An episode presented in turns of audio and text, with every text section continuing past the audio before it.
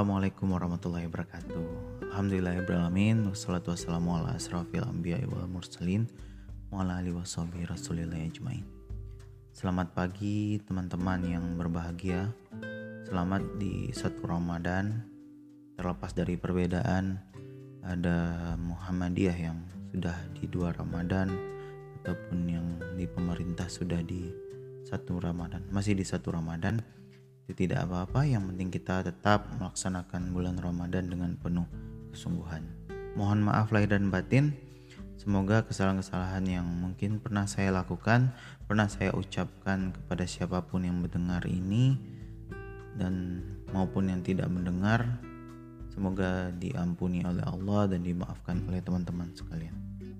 Baik pada program ini, jadi saya telah merencanakan untuk membuat sebuah menceritakan sebuah cerita kisah-kisah dari tokoh-tokoh yang tokoh-tokoh besar seperti itu.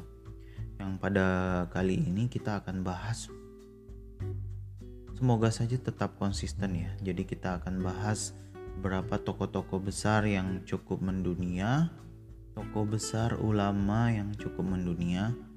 Mungkin pada kali ini mungkin dikhususkan kepada tokoh-tokoh Minang walaupun karena saya adalah dari Minang. Tapi tidak menutup kemungkinan mungkin di perjalanan nanti kita akan bicarakan tokoh-tokoh yang nasionalis tokoh-tokoh yang uh, asing mungkin.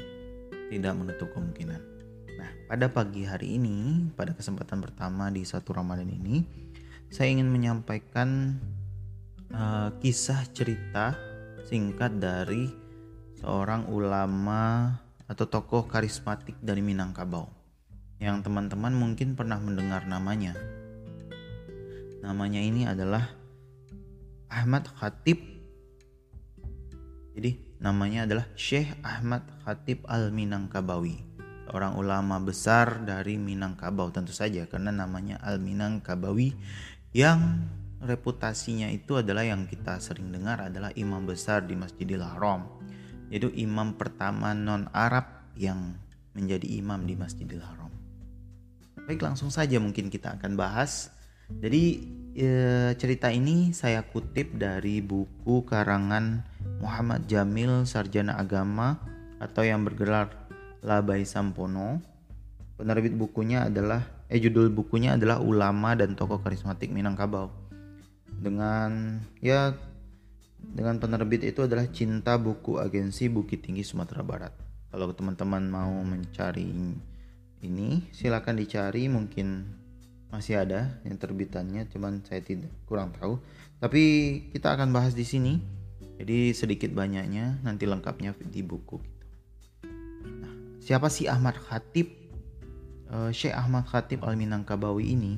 Jadi Ahmad Khatib ini adalah Syekh Ahmad Khatib Al Minangkabawi rahimakumullah. Adalah ulama besar yang pernah menjadi imam, khatib dan guru besar di Masjidil Haram sekaligus mufti mazhab syafi'i pada akhir abad ke-19 dan pada awal abad ke-20. Dia memiliki peranan penting di Mekah, Al-Mukarramah, dan di sana menjadi guru para ulama di Indonesia. Salah satu yang terkenal itu ulama uh, adalah Haji Rasul. Haji Rasul ini adalah bapak dari Buya Hamka. Lanjut ke riwayat dan tempat kelahiran. Nah, nama lengkapnya kan Ahmad Khatib bin Abdul Latif Al-Minangkabawi. Sebagaimana kita tahu tuh, Al-Minangkabawi adalah dari daerahnya, dari Minangkabau. Jadi dia berasal dari Minangkabau. Lahirnya itu adalah di Kototuo, Balai Gurah, Ampe Angke Canduang, Agam, Sumatera Barat. Jadi lahir di Kabupaten Agam, Sumatera Barat pada Senin 6 Zulhijjah tahun 200 tahun 1276 Hijriah atau kalau dalam Masehinya 1860 Masehi. Lalu wafatnya di Mekah Senin 8 Jumadil Awal 1334 Hijriah atau 1916 Masehi. Jadi secara umum kalau umur hijriahnya itu berkisar antara 50 48 tahun sedangkan umur masehinya 56 tahun. Memang berbeda sih memang. Karena umur masih umur uh, Zulhijjah kalau kita merujuk pada tahun Hijriyah Zulhijjah. Kalau kita menurut pada tahun Hijriyah itu memang dua tahun lebih besar dari umur Masehi begitulah terkait dengan riwayat kelahirannya. Kita lihat dari pendidikannya jadi ketika dia masih di kampung kelahirannya Ahmad kecil ini sempat mengenyam pendidikan formal yaitu pendidikan dasar dan berlanjut ke sekolah raja pada zaman itu atau yang dikenal dengan Quick School yang tamat pada 1871 Masehi. Nah, di samping belajar formal yang dikelola oleh Belanda itu, Quick School itu, si Ahmad kecil ini mempelajari dasar-dasar ilmu agama dari Syekh Abdul Latif sang ayah. Nah, dari sang ayah pula lah Ahmad kecil ini menghafal Al-Quran dan menghasilkan hafalan dari beberapa juz. Nah, pada tahun 1287 Hijriah, Ahmad kecil ini diajak ayah Abdul Latif ke Makkah Al-Mukarramah untuk ibadah haji. Jadi dia haji di umur jadi dia lahir tadi di 1276 76 Wah, masih kecil ya. 76 sekitar 21 tahun. Lumayan. Di umur 21 tahun dia menunaikan haji bersama ayahnya.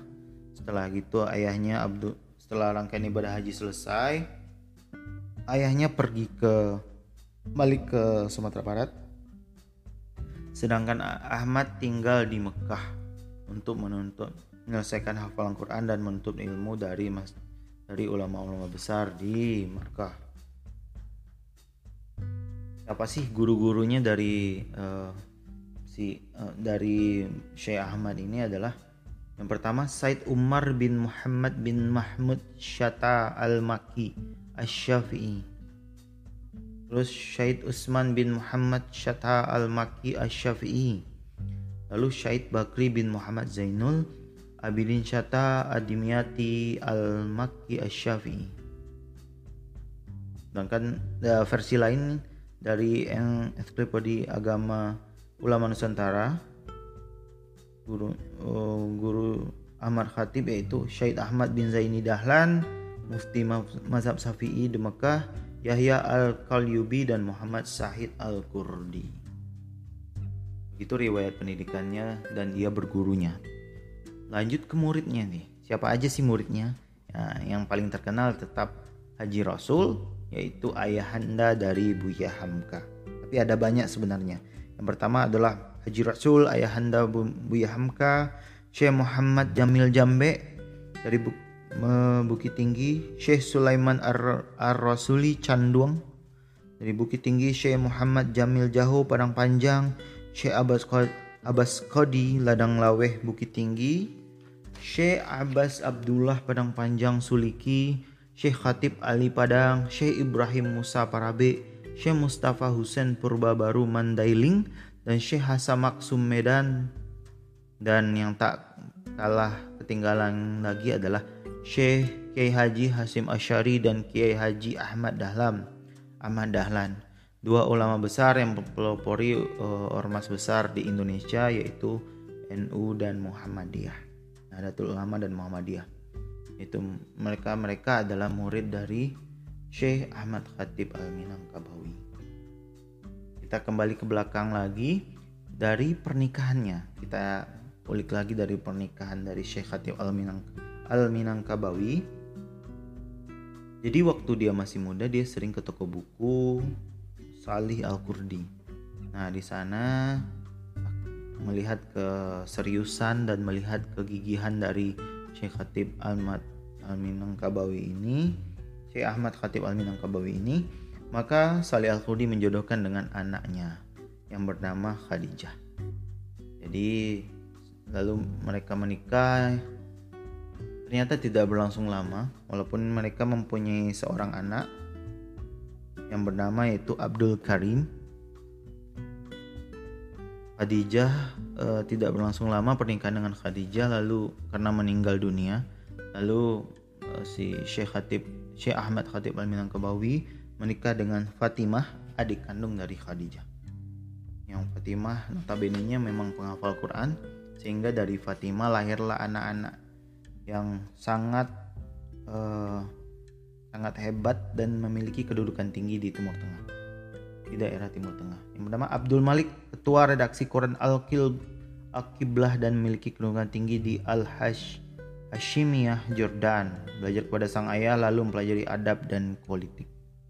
Abdul Hamid Al-Khatib, seorang ulama ahli kitab dan penyair kenamaan yang pernah menjadi staf pengajar di Masjid Al-Haram dan dusta besar Saudi untuk Pakistan. Di antara karya ilmiahnya dari anak dari uh, Syekh Ahmad Khatib Al-Minangkabawi ini adalah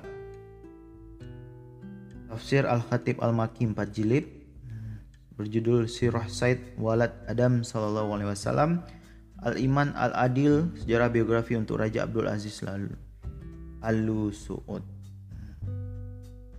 Kesuksesan Ahmad Khatib Al-Minangkabawi dalam mendidik mendidik anaknya sehingga menjadi uh, orang penting lah seperti itu itu tidak lepas dari uh, bagaimana dia mendidik Cara mendidik Ahmad Khatib Al-Minangkabawi ini adalah menanamkan nilai-nilai akidah. Jadi pernah seorang anak uh, Muhammad seorang anak dari an, satu anak dari yaitu Bapak Abdul Hamid Al Khatib itu pernah bercerita bahwa uh, bapaknya Ahmad Khatib Al Minangkabawi ini ketika pernah bertanya pernah mengajarkan akidah kepada anak-anaknya yaitu Ketika kecilku dahulu, jika aku meminta sesuatu dari ayahku, ia akan berkata, "Mintalah kepada Allah, pasti Dia akan memberimu apa yang kau minta." Aku pun balik bertanya, "Memangnya Allah di mana ya?" Dia berada di langit sana, jawabku. Dia dapat melihatmu, sedangkan kamu tidak dapat kamu tidak dapat melihatnya. Tidak selang berapa lama ayahku pun mendatangiku dengan membawa apa yang kuminta seraya berkata, Nih, Allah telah mengirim padamu apa yang tadi kamu minta. Nah, dulu juga jika aku minta sesuatu pada Allah dan tidak aku dapatkan, maka pun maka aku pun segera mengadu kepada ayahku. Sungguhnya aku telah minta ini dan itu kepada Allah, tapi kok Allah tidak memberiku ya?